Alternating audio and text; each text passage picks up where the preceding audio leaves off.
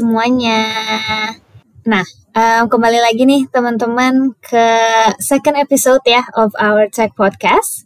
So welcome, welcome again. Hari ini kita bakal gali insight menarik nih dari dua orang iOS engineer nakama di Tokopedia.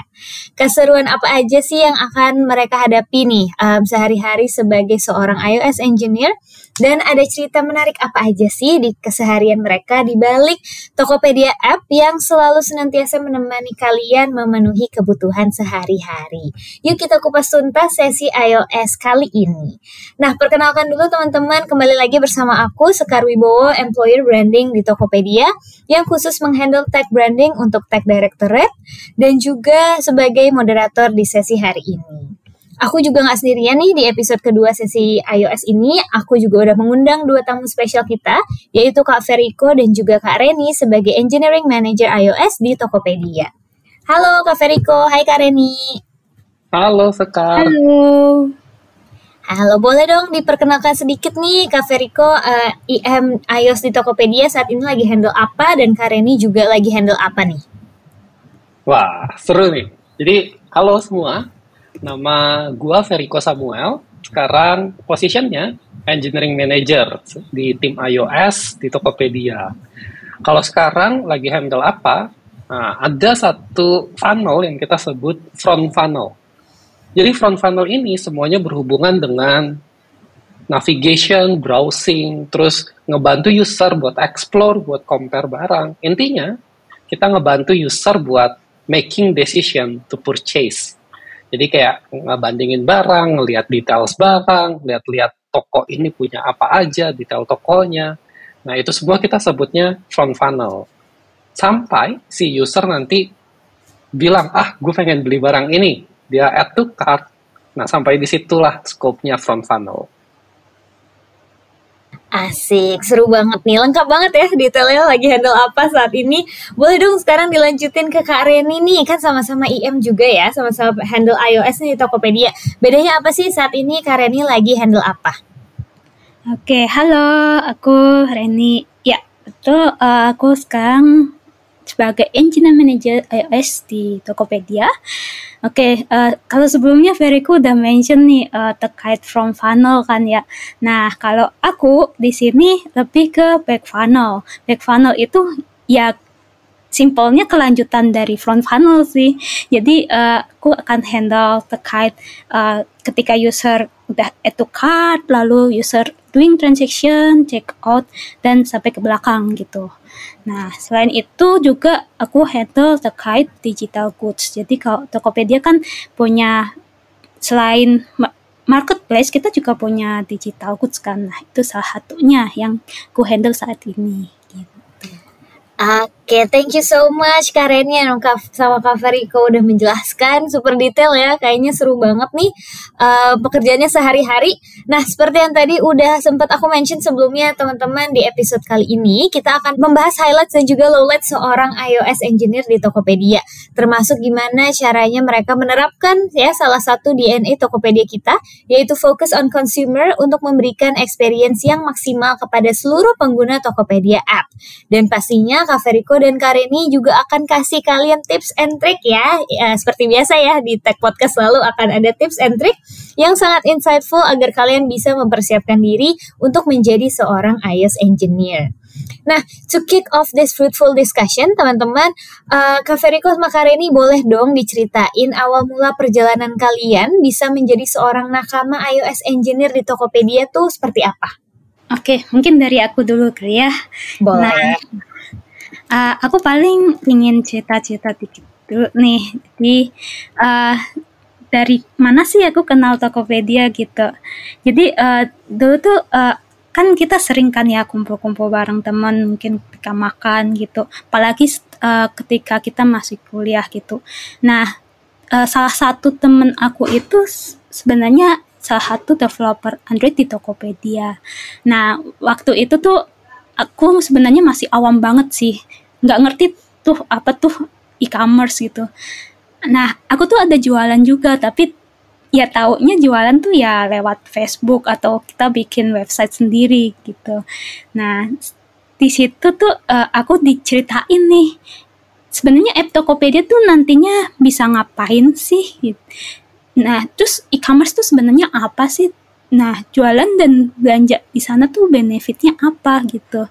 Nah, dari situ setelah dapat pengertiannya terus diceritain itu aku langsung kayak ngerasa suka dan ngerasa kayak ini ide tuh keren banget sih.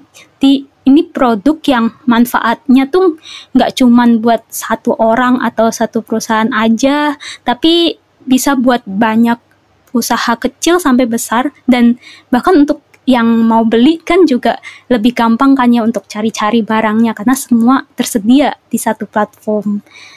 Nah, ketika itu karena tertarik banget nih langsung sih pingin apply. Tapi ya sayangnya waktu itu Tokopedia belum buka hiring iOS developer sih.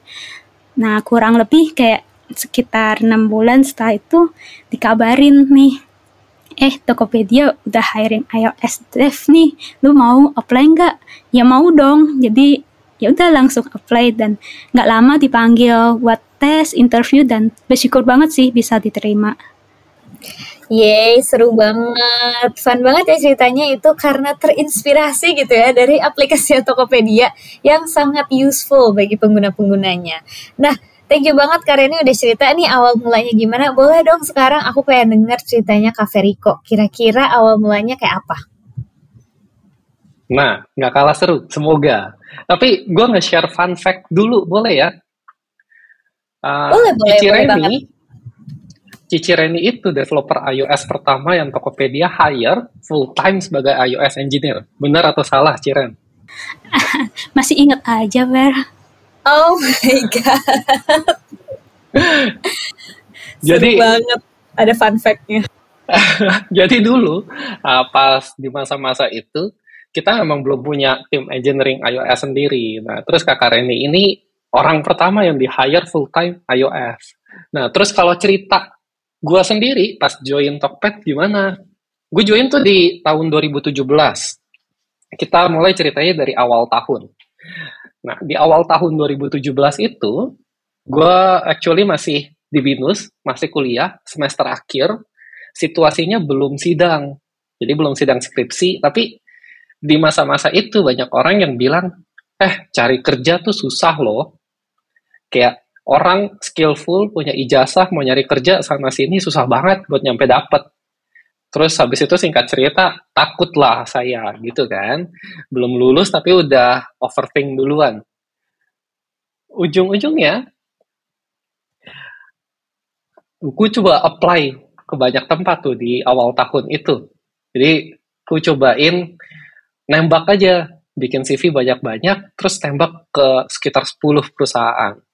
Terus habis itu salah satunya Tokopedia lah. Kenapa Tokopedia? Karena dari dulu dari masa-masa kuliah itu gue udah suka banget belanja. Ya kayak hampir tiap bulan begitu dapat duit gitu ya. Ada aja yang dibelanjain dari yang penting sampai nggak penting semua dibeli gitu. Nah, terus habis itu Tokopedia itu salah satu yang ngeproses CV-nya paling cepat. Jadi proses hiringnya dari awal masukin sampai akhirnya dapat offering letter itu semua kurang dari dua minggu.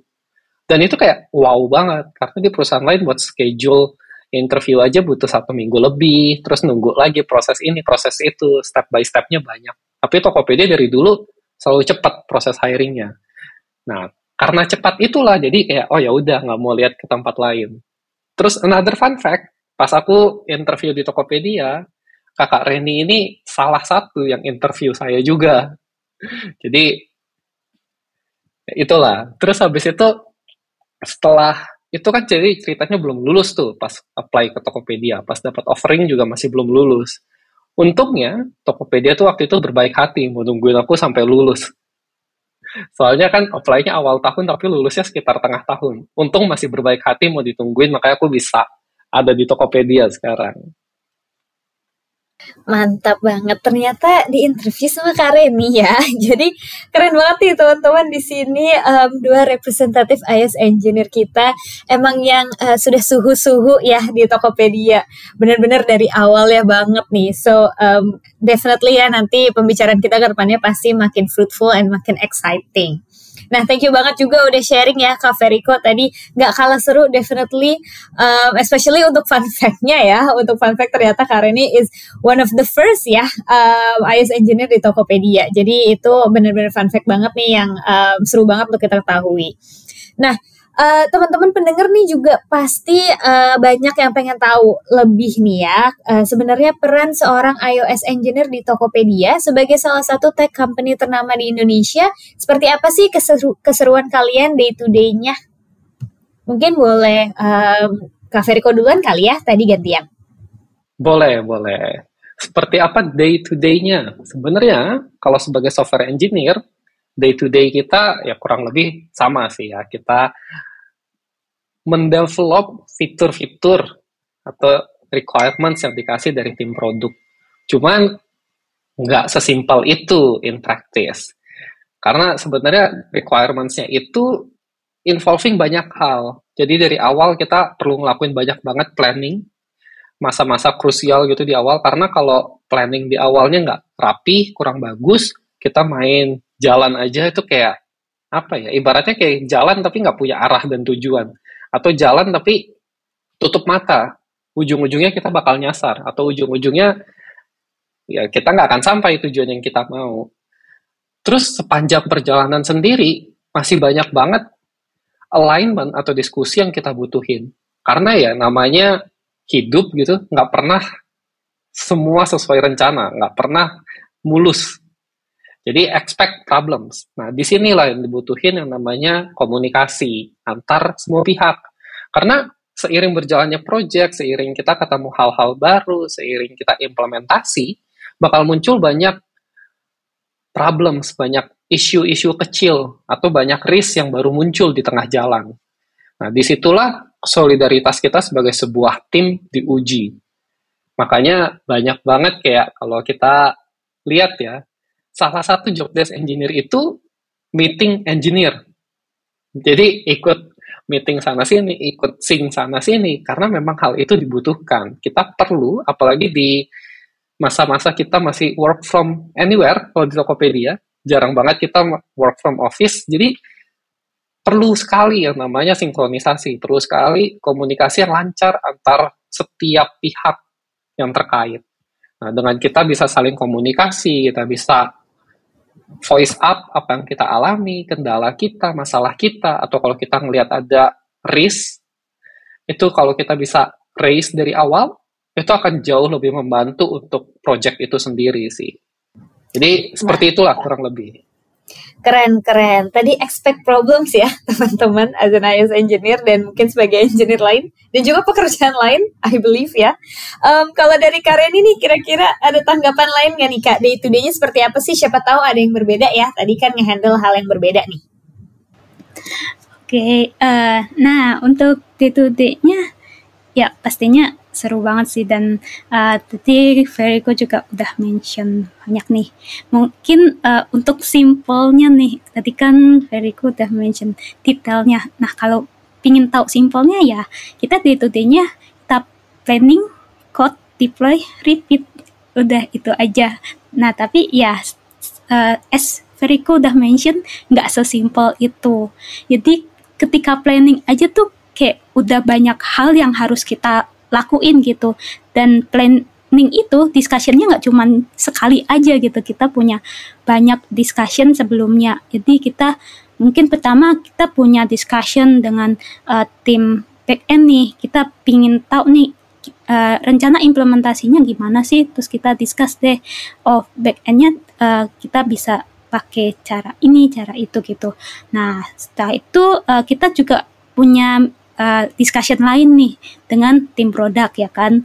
Jadi kita di, situ kita ngomongin lebih ke gimana requirementnya, gimana timelinenya, lalu kita bisa juga kita breakdown tasnya, lalu kita bisa tahu nih uh, estimasi waktunya yang kita butuhin untuk development tuh sebenarnya berapa lama sih. Nah, selama discussion itu kita harus kayak bisa saling uh, manage ekspektasi. Jadi kita harus banyak overcome supaya kita udah tahu masing-masing ekspektasinya tuh gimana. Jadi lebih enak nanti ketika proses berlangsungnya. Nah, baru setelah itu kita eksekusi dan yang pasti nih perlu diingat nih, kita tuh harus uh, make sure dengan quality app kita karena karena kan kita uh, app Tokopedia tuh punya semacam jadwal rilis weekly ya kan. Nah, di situ tuh karena jadwalnya kita ada weekly, kita punya timeline, tapi kita nggak boleh lupain dengan kualitinya. Jadi uh, kualitinya jangan sampai jadi blocker untuk timeline kita sendiri. Jadi kita kayak harus punya strategi yang tepat juga nih untuk ngebalance hal itu gitu. Jadi itu seru banget.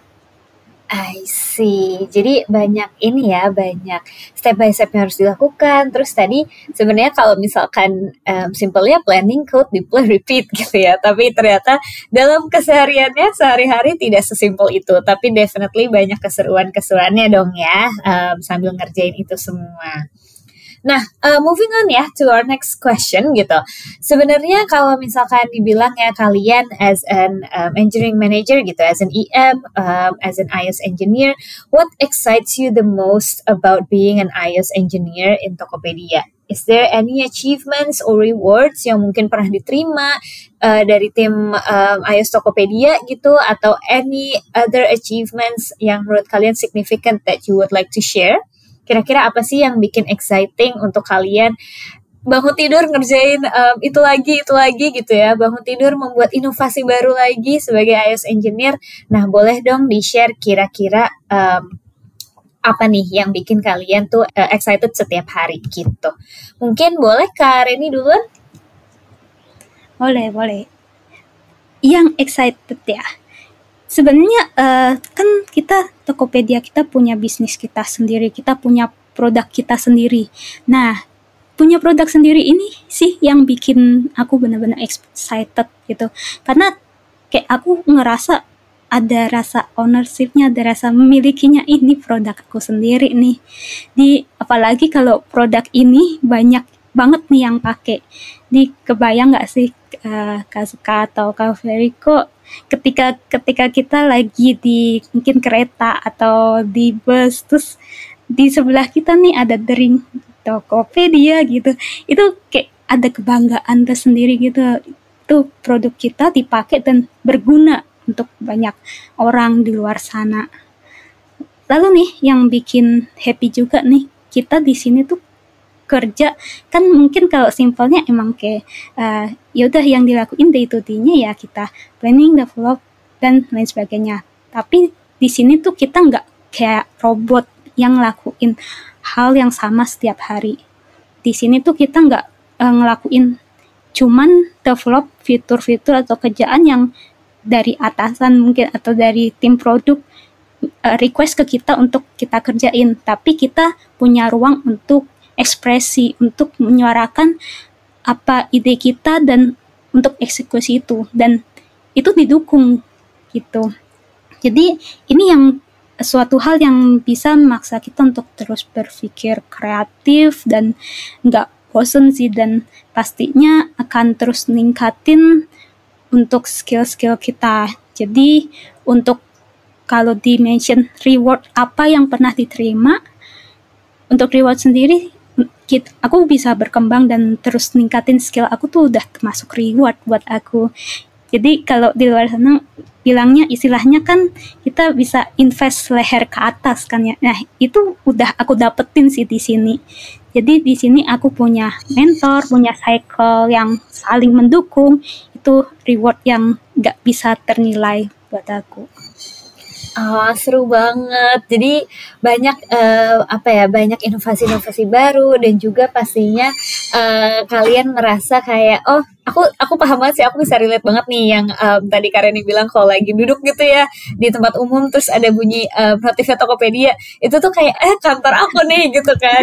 Jadi kayak kebanggaan tersendirinya tuh ada banget especially kalian sebagai um, engineer-nya gitu ya. Uh, boleh dong kalau dari Kak kira-kira apa sih yang uh, membuat Kak very excited gitu ya to work as an IS engineer di Tokopedia? Yang bikin paling excited, aku mau coba share dari dua perspektif. Perspektif pertama itu sebagai engineers, as in general engineers gitu ya. Yang paling bikin excited itu mirip sih dengan kakak Reni. Saat kita bisa punya impact, saat apa yang kita kerjain itu, actually dipakai orang-orang loh. Itu bangganya ya, senangnya itu luar biasa sekali. Kayak, wah hasil tangan saya, hasil tangan yang kita kerjain berbulan-bulan, yang sampai ngobrol sama sini, capek, lembur-lemburan, itu beneran dipakai orang-orang sekitar kita. Apalagi kalau orang-orang suka pakainya gitu. Kayak wah ini Tokopedia membantu sekali bikin belanja semakin mudah gitu. Atau ini bikin saya jualan jauh lebih simpel, bisa ada sumber pemasukan baru.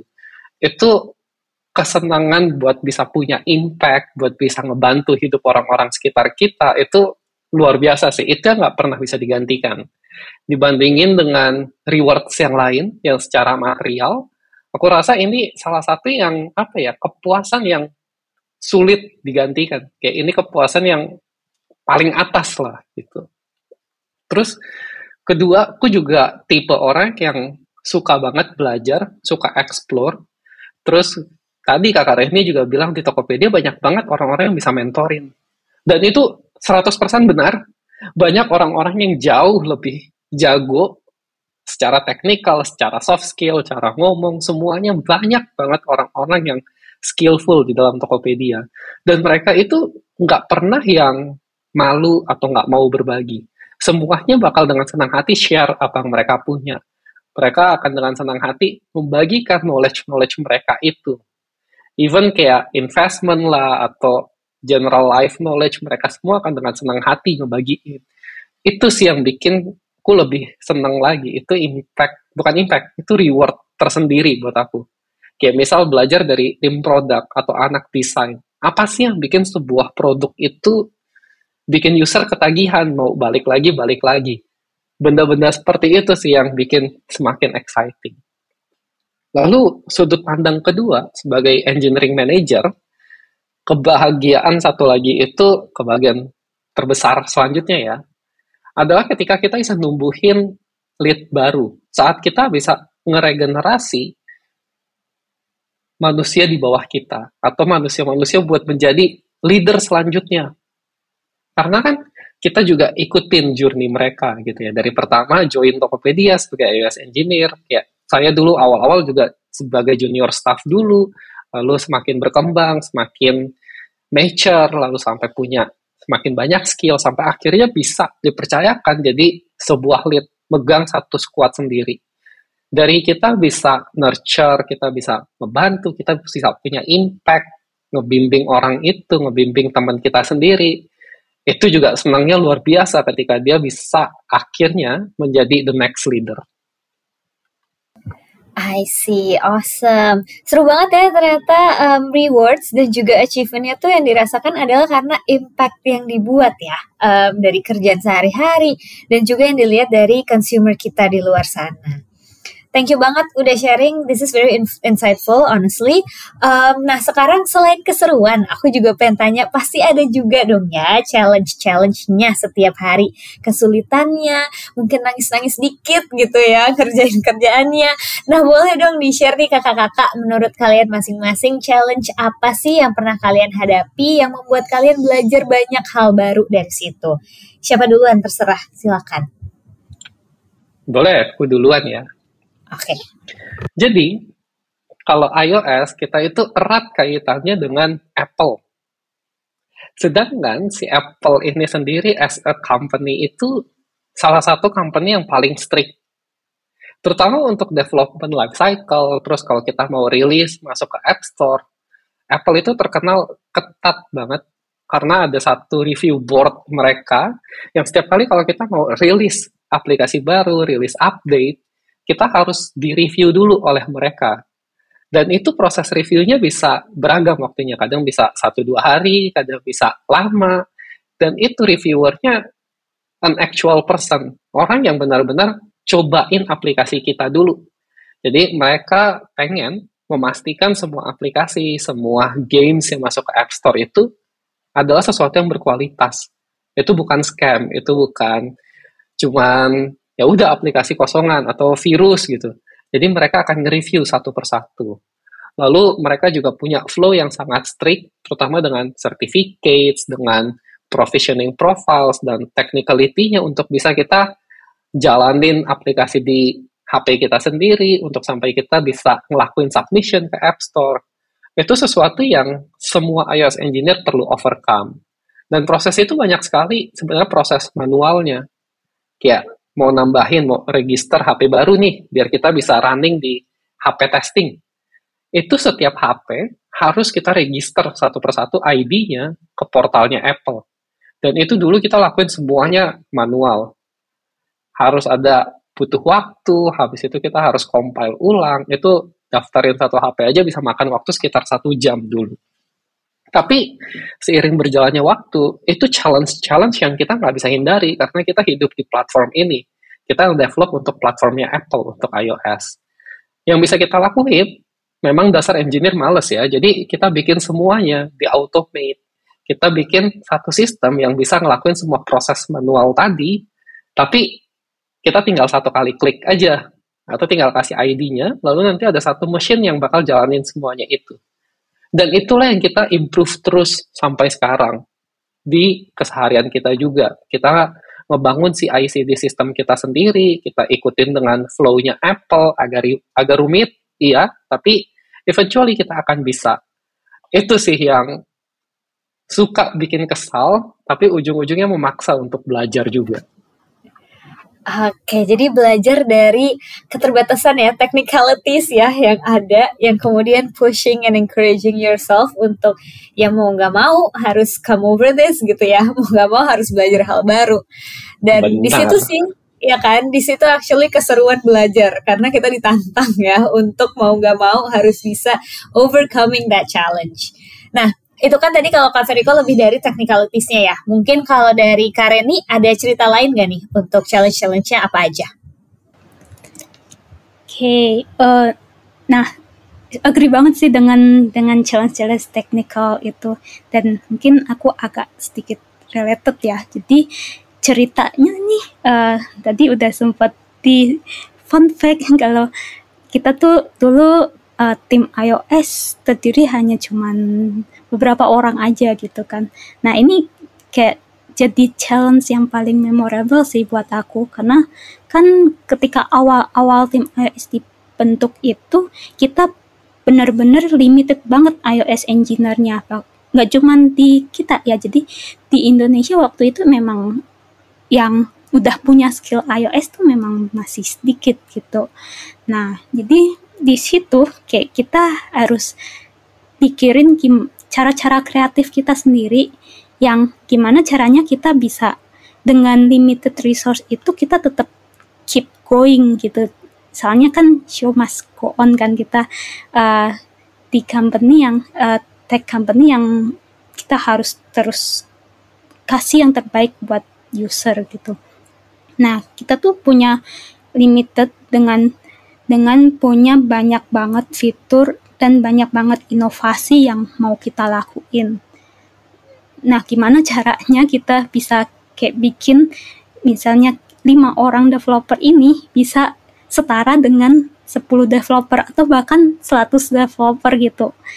Di salah satu alternatifnya yang tadi Veriko juga mention sih, kita butuh namanya automation selain itu kita punya berapa alternatif lain misalnya kita explore explore teknologi yang bisa kita manfaatin untuk supaya productivity dari developer kita itu bisa terus berkembang. Dan itu masih kebawa sampai sekarang gimana untuk improve-nya. Jadi walaupun kita sekarang uh, secara jumlah itu udah lumayan banyak ya sekitar 50 sampai 60 developer tetap kita pikirin gimana caranya dari 50-60 developer ini bisa setara dengan dua kali lipatnya dengan 100 developer gitu. Lalu yang kedua mungkin yang aku ingat juga nih memorable juga ketika pertama kali Tokopedia punya biggest event ever Ramadan Extra tuh. Itu super super dedekan banget sih. Karena kan kita uh, sebagai app developer ya kita tuh ya ranahnya di apps gitu. Kalau apps kan kita butuh waktu nih untuk untuk deploy, untuk apalagi ada uh, Apple review dan lain sebagainya. Jadi kalau misalnya kita ada masalah, ada problem ketika event itu, kita nggak mungkin langsung update. Jadi ya nggak nggak mungkin juga, walaupun kita butuh satu hari itu nggak mungkin. Jadi at least waktu itu Apple review masih sekitar tujuh hari kan udah telat banget eventnya udah selesai juga. Jadi dari situ juga kita uh, langsung nih brainstorming gimana sih caranya supaya kita terutama nih di hari hanya kita sebagai uh, tim apps itu juga bisa kasih kontribusi kita bisa kasih sesuatu yang membantu gitu. Nah salah satunya yang uh, kita juga tetap terapin nih sampai sekarang. Kita mulai mikir gimana kita punya log kita sendiri. Lalu gimana kita bisa kasih provide data-data yang front end atau apps punya ini yang nggak pu dipunya di back end. Jadi kita bisa support mereka juga. Lalu kita juga berusaha selalu punya mitigation plan yang uh, bisa langsung di execute di hari itu. Jadi nggak harus nunggu uh, kita submit app baru baru kita bisa bisa menyelesaikan problem isu itu gitu sih. Mantap. Emang selalu ya kalau ada event besar itu emang selalu deg-degan ya kak. Betul banget. Relate banget. Apalagi sebagai um, apa iOS engineer gitu ya ngurusinnya app. Ini kalau tiba-tiba appnya nge-crash gimana? Orang nggak bisa belanja. Pasti kepikiran sampai ke mana-mana. Jadi itu aku bisa relate banget sih maksudnya ke, ke, kebayang banget challenge-nya kayak apa. Tapi justru malah di situ signifikan banget ya belajarnya pembelajaran-pembelajaran yang bisa didapatkan dari satu event ke event lain nih uh, di mana sekarang kalian semua pendengar di sini kalau mau belanja gitu ya waktu Indonesia belanja itu bisa langsung capcus ke Tokopedia. Dan pasti uh, apalagi pengguna iPhone ya sekarang kayak aku sendiri gitu ya aku kalau pakai app Tokopedia selalu lancar jaya teman-teman. Jadi ini thanks to our iOS team juga pastinya Nah, um, aku pengen bahas dikit juga nih tentang our company culture ya, which is the 3DNA. Di Tokopedia kan kita punya um, company culture yang kita sebut 3DNA, yaitu ada growth mindset, ada make it happen, make it better, dan juga focus on consumer. Nah, sebagai seorang iOS engineers, it is important ya that you offer seamless user experience. Nah, gimana sih caranya kalian menerapkan DNA focus on consumer nih eh, ke dalam day-to-day -day task kalian sehari-hari? Uh, mungkin bisa Kak Feriko uh, share your thoughts? Boleh. Jadi uh, DNA ini agak unik. Kan kata-katanya fokus on consumer gitu ya. Tapi fokus on consumer sendiri di sini kita perlu pertama define dulu siapa sih consumer kita itu sendiri. Kalau in a nutshell gitu ya, simply kita mikir, oh consumer ya pengguna aplikasi Tokopedia, Oke, benar, tapi nggak berhenti di situ. Nanti kita akan kembali ke aplik pengguna aplikasi. Tapi sebenarnya consumer kita sebagai engineers itu orang-orang di sekitar kita. Karena as an engineer, kita itu apa ya, sebenarnya yang kita tawarkan adalah jasa. Kita dibayar buat menciptakan sebuah aplikasi, buat bantu orang ngoding gitu kasarnya ya. Nah, consumer kita itu siapa? Ya orang-orang sekitar kita, stakeholders kita lead kita, tim members kita, sesama teman-teman iOS kita gitu ya, lalu tim produk, tim desain, semuanya itu consumer kita. Jadi kalau ditanya fokus on consumer itu gimana? Kita perlu benar-benar perhatiin, considerate dengan orang-orang sekitar kita itu. Gimana caranya kita bisa ngebantu juga kerjaan mereka. Misal dengan tim produk, apa sih sebenarnya mereka pikirin setiap hari? Gimana kita bisa bantu tim produk biar lebih produktif gitu ya. Kita bisa dengan oh requirements mereka kalau nggak jelas kita tanya dari awal, kita vokal dengan semua obstacle yang kita hadapi, kalau ada masukan kita juga kasih, kita jadi teman diskusi yang baik. Itu salah satu bentuk dari fokus on consumer itu sendiri. Jadi nggak apa ya nggak melulu cuman ke end user dari aplikasi kita kita coba kerja sehari-hari itu dengan kooperatif, dengan considerate dengan orang-orang sekitar kita yang apa ya, yang memakai dalam tanda kutip jasa kita. Memang capek gitu. baik ke semua orang itu bukan sesuatu yang mudah, nggak semua orang menyenangkan atau cocok dengan kita. Tapi banyak yang bilang, oh kalau kayak gitu kamu harus profesional dong. Profesionalismenya mana? Di kerjaan jangan bawa-bawa masalah personal.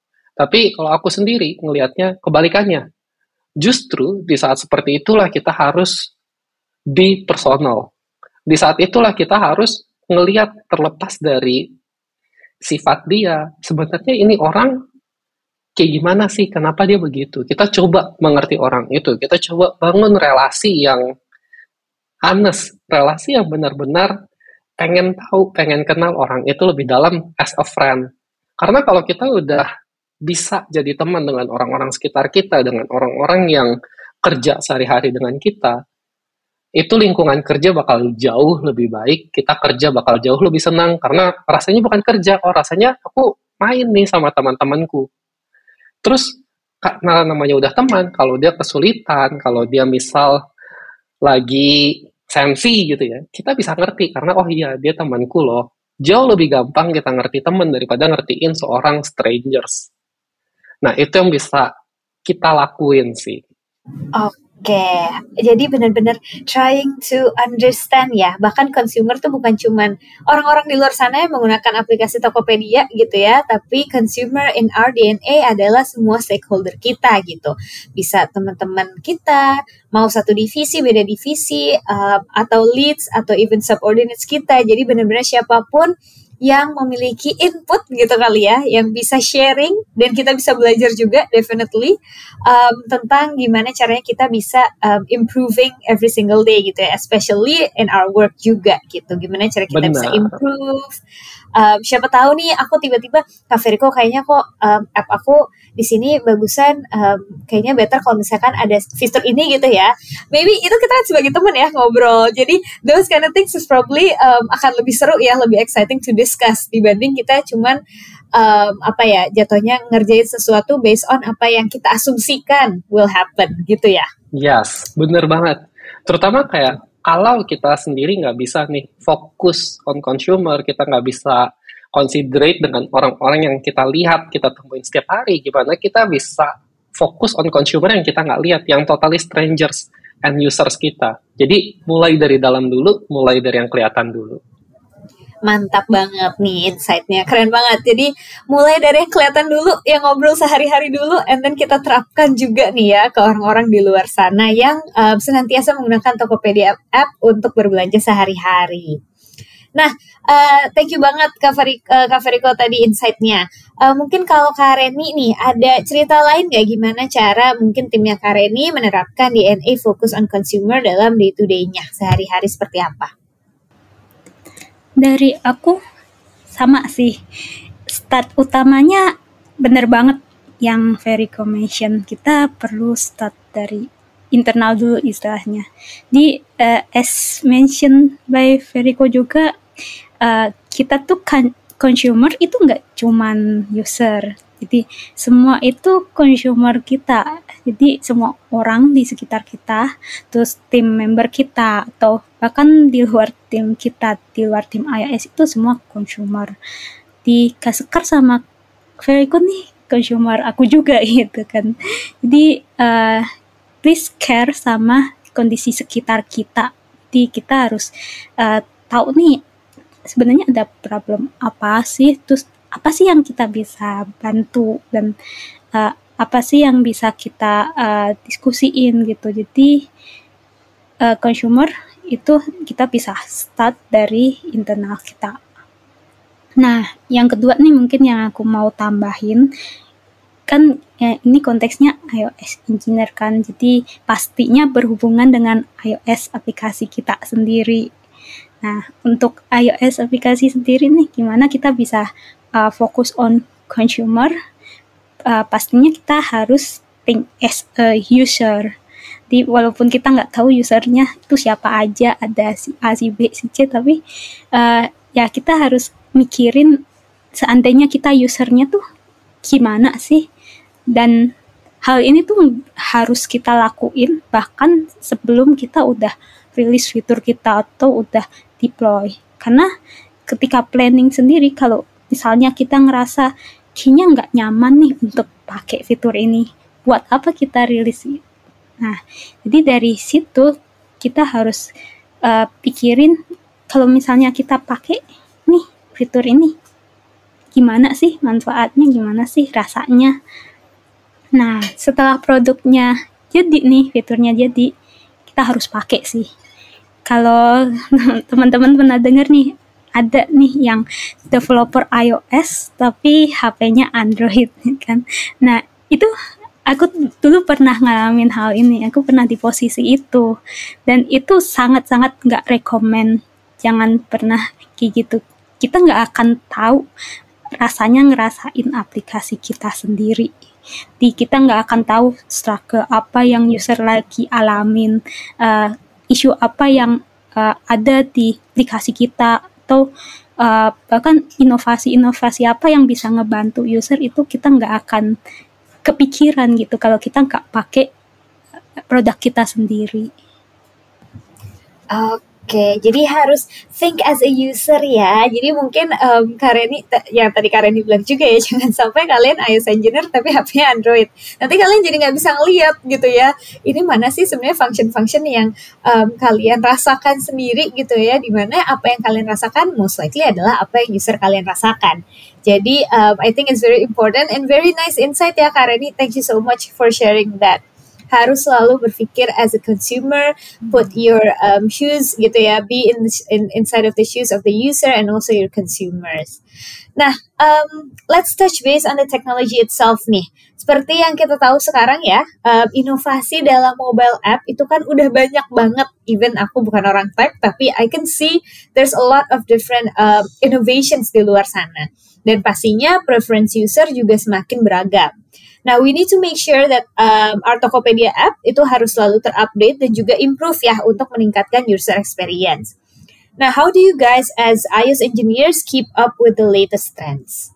Oke, okay, dari aku dulu kali ya. Jadi uh, gimana sih kita bisa tetap keep up to date? Menurut aku itu lingkungan yang paling berpengaruh jadi ketika kita punya suatu lingkungan yang mendukung, terus kita punya nih tim yang memang isinya tuh orang-orang yang istilahnya gila teknologi. Apalagi kalau orang-orang yang gila teknologi ini tuh orang yang suka sharing, suka diskusi dan mereka open. Nah, ini bener-bener seru banget. Kita bakal dapat banyak insight, terus kita bisa saling melengkapi, kita bisa saling memotivasi untuk keep up to date. Misalnya kita punya cycle yang orang-orangnya gila Korea gitu kan. Mau nggak mau kita ngedengerin mereka dan eventually kita juga akan kebawa ke situ. Jadi uh, itu kayak suatu motivasi tersendiri sih kalau kita punya lingkungan yang tepat dan lingkungan yang keep up to date dengan teknologi dan tren yang ada saat ini. Tuh. Nah, tapi kan uh, inovasi kan banyak banget kan sebenarnya. Uh, kita punya limited waktu dan kita punya limited uh, budget istilahnya. Jadi uh, kita tetap perlu set priority sih. Untuk contohnya untuk new innovation kita perlu start dari brainstorming dulu dan kita bikin POC dulu dan ini pastinya kita lakuin bareng-bareng. Ini seru banget walaupun in case uh, ternyata ini gak kita bener-bener implementasi tapi pastinya dalam proses itu kita punya insight-insight menarik dan kita bakal banyak belajar di situ. Nah, baru kalau udah okay nih, kita bisa execute lebih lanjut untuk kita implement dan untuk kita share ke user. Oke, jadi um, intinya ya teman-teman cari lingkungan yang ambisius ya. Jadi um, once kalian mau belajar, mau improving yourself, mau um, apa get to know the new innovations, get to know the new latest trends of technology, itu kalian ada peernya yang selalu siap mendukung dan suportif ya Kak Redi, betul ya? Betul banget. Biar lebih seru. Ya, dan salah satunya aku banyak belajar dari Verico. Verico tuh salah satu Apple fan kayak kita, jadi uh, selalu up to date dengan uh, teknologi-teknologi terbarunya Apple. Jadi seneng banget sih dapat banyak hal hal-hal baru yang uh, bahkan event Apple tuh selalu malam hari kan. Aku tipe orang yang nggak bisa kayak nungguin sampai malam. Nah itu bisa dapat gambaran keseluruhan dari Verico gitu. Wow, iya betul. Um, Apple, Apple event Apple tuh emang selalu malam. Kadang aku sampai ketiduran kalau misalkan nonton ya. ya. Tapi itu seru banget sih untuk belajar hal baru. And especially karena kalian seorang iOS engineers ya, kalian harus up to date terus tuh ya sama inovasi-inovasi baru yang dikeluarkan oleh Apple. Nah, mungkin boleh dong um, kalau dari um, Kak Veriko sebagai Apple fanboy tadi katanya, silahkan mungkin boleh di share gimana caranya um, Kak Veriko keeping up with the latest trends. Aku sales Apple tau. Apple 14 Pro Max, anybody? Baru di launch semalam. Oh, ternyata dia, ternyata dia diam dia sales guys. Jadi apa ya, yang tadi kakak Reni share tentang punya lingkungan yang mendukung itu benar banget. Jadi beruntung di Tokopedia, tim iOS sendiri, saya bukan satu-satunya sales Apple, bukan satu-satunya Apple fanboy yang garis keras gitu ya. Jadi banyak juga di tim members kita yang literally ngikutin semua updates-nya Apple. Mulai dari hardware-nya, laptop, iMac, iPhones, semua i, i, i itu banyak yang apa ya, aku bilangnya fanatik sih jadi benar-benar ngikutin semua updates-nya sekecil apa pun, bahkan Apple Event sendiri, kita punya grup WhatsApp. Kalau Apple Event, itu grup WhatsApp nggak berhenti bunyi. Karena sambil nonton, kita sambil share apa impression kita, apa yang kita rasain. Dan kalau aku lihat ya, hal-hal seperti inilah yang ngebangun. Karena kita sebagai iOS developer, kita itu ya hidupnya di ranah Apple teknologi kita, platform kita didefine oleh Apple as a company. Dengan kita bisa jadi seorang yang benar-benar cinta produknya, cinta platformnya, itu ngebantu banget buat kita keeping up to date dengan apa sih yang baru, apa sih yang bisa ngebantu user kita. Karena setiap kali Apple memperkenalkan sesuatu yang baru, pasti yang kita pikirin, wah ini ide apa ya, fitur ini bisa dipakai apa ya buat aplikasi kita bisa dijadiin apa ya aplikasi kita selanjutnya. Hal-hal kayak gitu yang ujung-ujungnya nge-spark atau menciptakan inovasi baru. Terus yang namanya kita hidup di dunia teknologi, setiap hari selalu ada hal-hal baru. Bukan dari Apple-nya sendiri.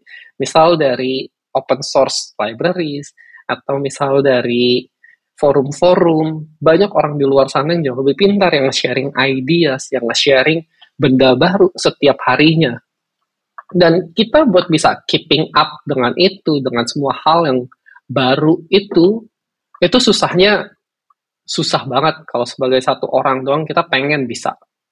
Tapi ya itu dia dengan kita punya lingkungan yang punya passion yang sama punya hati yang sama kita bisa saling belajar. Hal yang kita temuin kayak hal yang aku temuin akan aku share ke tim. Karena ya belum tentu semua orang baca hal itu. Tapi nanti dari tim lain, teman-teman lain saat ketemu hal baru apa, kita saling share. Jadi di situlah kita saling melengkapi satu dengan yang lain.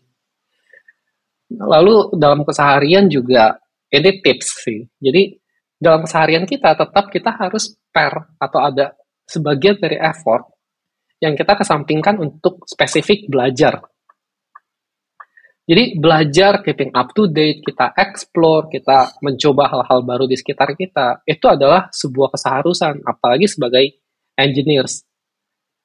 Jadi itu sih salah satu kuncinya juga.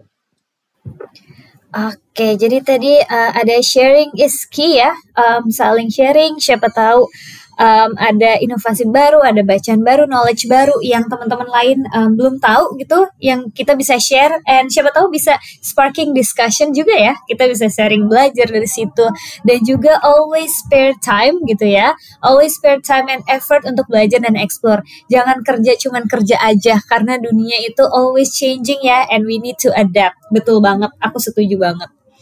thank you banget uh, Kak Feriko tadi very insightful juga. Nah, uh, karena kita udah hampir sejam nih ya, uh, teman-teman juga mungkin um, dengerinnya juga udah lambat lau nih, takutnya sambil ketiduran gitu.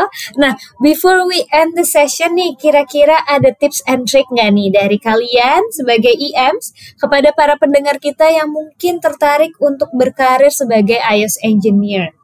Misalkan bisa hard skill dan soft skill, um, apa yang menurut kalian penting banget untuk dimiliki untuk jadi seorang iOS engineer yang work ready dan juga talent yang siap banget nih, um, especially nanti kalau misalkan mau masuk menjadi nakama di Tokopedia. Boleh aku mulai duluan. Jadi, uh, sebagai sales Apple, slogannya tetap dari Apple. Stay foolish, stay hungry. Maksudnya apa? Ini tuh kata-kata yang dipopulerkan oleh Steve Jobs sendiri. Jadi meaningnya jangan pernah ngerasa cukup, jangan pernah ngerasa jadi orang yang paling pintar dalam ruangan. Stay foolish, tetap merendah, tetap merasa kita itu nggak tahu apa-apa. Karena dengan kita ngerasa kita masih belum tahu, kita masih perlu belajar, di situ kita buka kesempatan buat orang lain bisa ngisi apa yang kita nggak punya, apa yang kita nggak tahu sebelumnya. Dibanding kalau kita merasa, oh, I know this. Aku udah bertahun-tahun di bidang ini, aku bisa, aku tahu gitu, aku udah ngerti. Kalau kayak gitu, uh, kita punya kecenderungan ngebangun tembok. Apa yang orang katakan, apa yang orang mau share, kita udah semacam punya predikamen kayak, oh, aku udah tahu hal itu, kamu gak usah ngasih tahu aku lagi. Itu yang seharusnya kita hindari. Karena walaupun ya, siapa pun orangnya, tanpa pandang bulu, tanpa pandang, oh dia udah 10 tahun jadi iOS engineer, atau oh dia engineering manager. Jangan lihat job title, jangan lihat experience. Bahkan orang-orang yang masih kuliah sekalipun, yang baru belajar sekalipun, pasti ada satu hal yang bisa kita pelajari dari dia. Kita belajar lagi pun harus stay hungry. Jangan cepat puas dengan apa yang kita pelajari. Banyak orang yang aku temui, terutama pas interview gitu ya, banyak yang oh aku tahu benda ini, aku tahu gimana caranya bikin aplikasi, aku tahu kita harus melakukan A, B, C, D, E. Tapi begitu ditanya, kenapa harus A, B, C, D, E? Kenapa harus pakai cara ini? Kenapa harus menggunakan spesifik benda ini? Terus nggak tahu. Nah, di situlah yang kayak apa ya? Jangan cepat puas, jangan cepat merasa senang begitu udah bisa achieve apa yang kita mau cobalah belajar itu benar-benar jadi orang yang lapar, jadi orang yang haus, pengen tahu apa sih yang terjadi di belakangnya. Bagaimana konsepnya, gimana hal ini bisa terjadi. Kenapa aku harus ngelakuinnya dengan spesifik cara A, B, C, D, E? Kenapa step by stepnya begini? Bisa nggak sih kalau diganti? Bisa nggak sih dengan cara lain? Jadi jangan terlalu cepat puas kalau kita udah dapat hasilnya gitu. Tanya terus, tanya why terus, sampai kita benar-benar ngerti apa yang terjadi di belakangnya. Itu sih tips dari aku. Nice, nice. Jadi yang pertama tadi stay foolish and stay hungry ya teman-teman dari Steve Jobs ya. That's a very very um, well known quote yang sampai sekarang juga aku seneng banget sih sama quote itu personally. Dan juga tadi always know the why ya teman-teman. Di balik apa pun yang kalian lakukan find your purpose and find your why. Karena kalau misalnya kalian ngelakuin itu sehari-hari kalian tahu mau bikin ini bikin itu tapi nggak tahu why-nya menurut aku sih sama aja bohong ya. Karena alasannya apa? Kalian nggak tahu. Dan mungkin di situ belum focusing on consumer jatuhnya. Kalau misalkan kalian aja nggak tahu purpose-nya apa jadi always have the purpose di balik whatever you do. So it's a very good tips uh, and trick juga Kak Feriko, thank you. Kalau dari um, Kareni mungkin Kareni mau share tips and trick apa aja nih?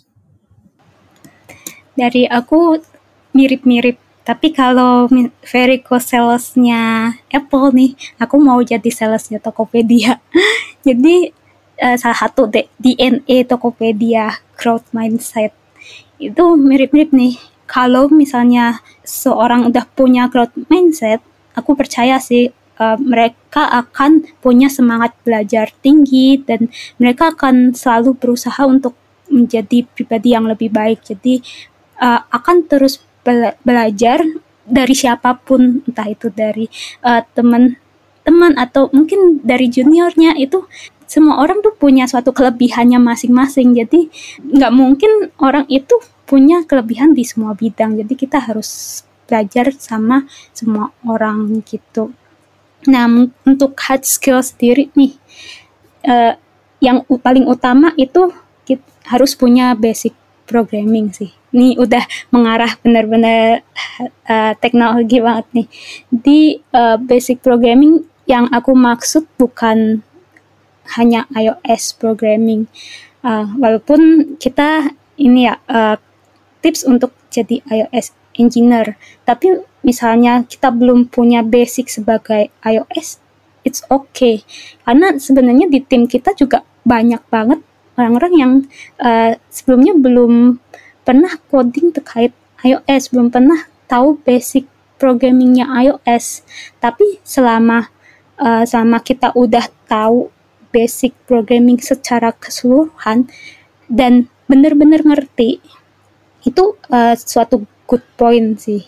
Jadi uh, kalau kalau misalnya kita udah punya basic iOS-nya sendiri itu kan udah point plus. Tapi kalau kita punya basic programmingnya asal asal benar-benar ngerti ya jangan cuman tahu aja itu akan suatu yang uh, menarik gitu karena an analoginya nih kita mau bangun rumah kan tapi fondasinya tuh nggak kuat.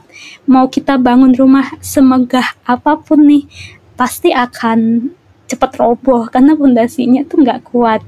Nah tapi kalau kita udah punya fondasi yang kuat nih mau kita plan rumahnya dibangun kayak gimana pun ya akan bisa gitu dan akan kuat tahan lama. Itu jadi dua hal itu sih yang paling penting buat aku Oke, nice banget. Thank you so much. Analoginya tadi bagus banget ya. Kalau misalkan pondasinya nggak kuat nih teman-teman, rumahnya bakal ambruk ya. Sebenarnya sesimpel as that gitu. Jadi tadi Kareni udah ngasih um, analogi yang menurut aku sangat um, relevant gitu ya, especially ini nanti buat teman-teman pendengar. Semoga kalau emang lagi mau meniti karir di um, as an iOS engineer gitu ya, jangan lupa dikuatkan pondasinya seperti apa yang tadi kata Kareni. Nah, teman-teman, um, almost satu jam. So, last but not least nih, is there any message nih dari Kareni atau Kak Feriko? Any messages that you would like to say, to convey to all our tech enthusiasts out there yang lagi dengerin kita? Boleh, Kareni duluan. nah, dari aku, simple sih. Jadi, di dunia teknologi kan uh, selalu ya, kayak hard skill itu kayak suatu kesannya kuat banget. Itu jadi poin utama banget kan apalagi di teknologi. Tapi uh, kita jangan sampai lupa untuk selalu imbang dengan skill-skill yang lain terkait soft skill kita juga. Karena ini bakal penting banget sih. Nggak lucu kan misalnya kita tuh punya banyak banget ide tapi karena kita nggak bisa suarain kita nggak bisa ekspresiin itu jadi kayak terpendam aja. Itu sayang banget sih. Dan dari situ itu uh, soft skill termasuk salah satu yang perlu kita asah. Nah lu gimana sih kalau kita pingin tingkatin hard skill sekaligus soft skill? Jadi biar double kill biar bisa sekaligus. Itu sebenarnya caranya gampang banget. Kita sering-sering aja sharing dan diskusi itu dua-duanya akan terasah.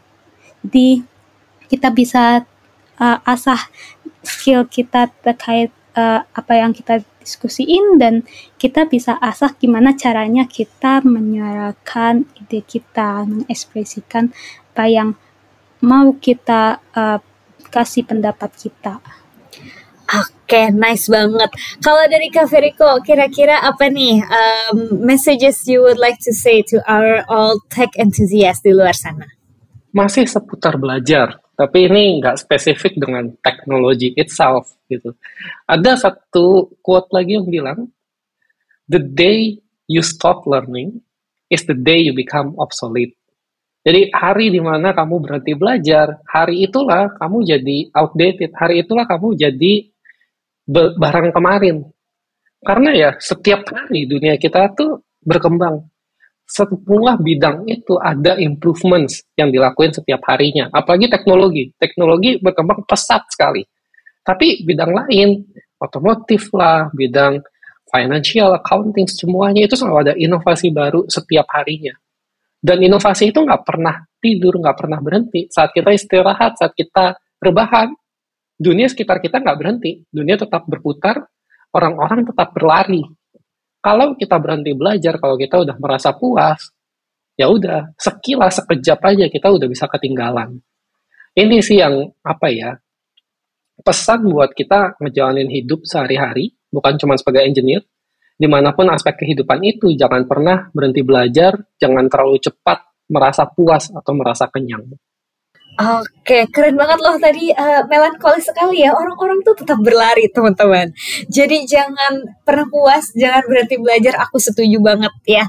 Especially um, di dunia yang sangat fast pace sekarang ya. Everything itu serba digital, especially kalau kalian uh, nantinya menjadi engineer gitu ya, pasti banyak tren-tren yang um, cepat banget nih berubahnya.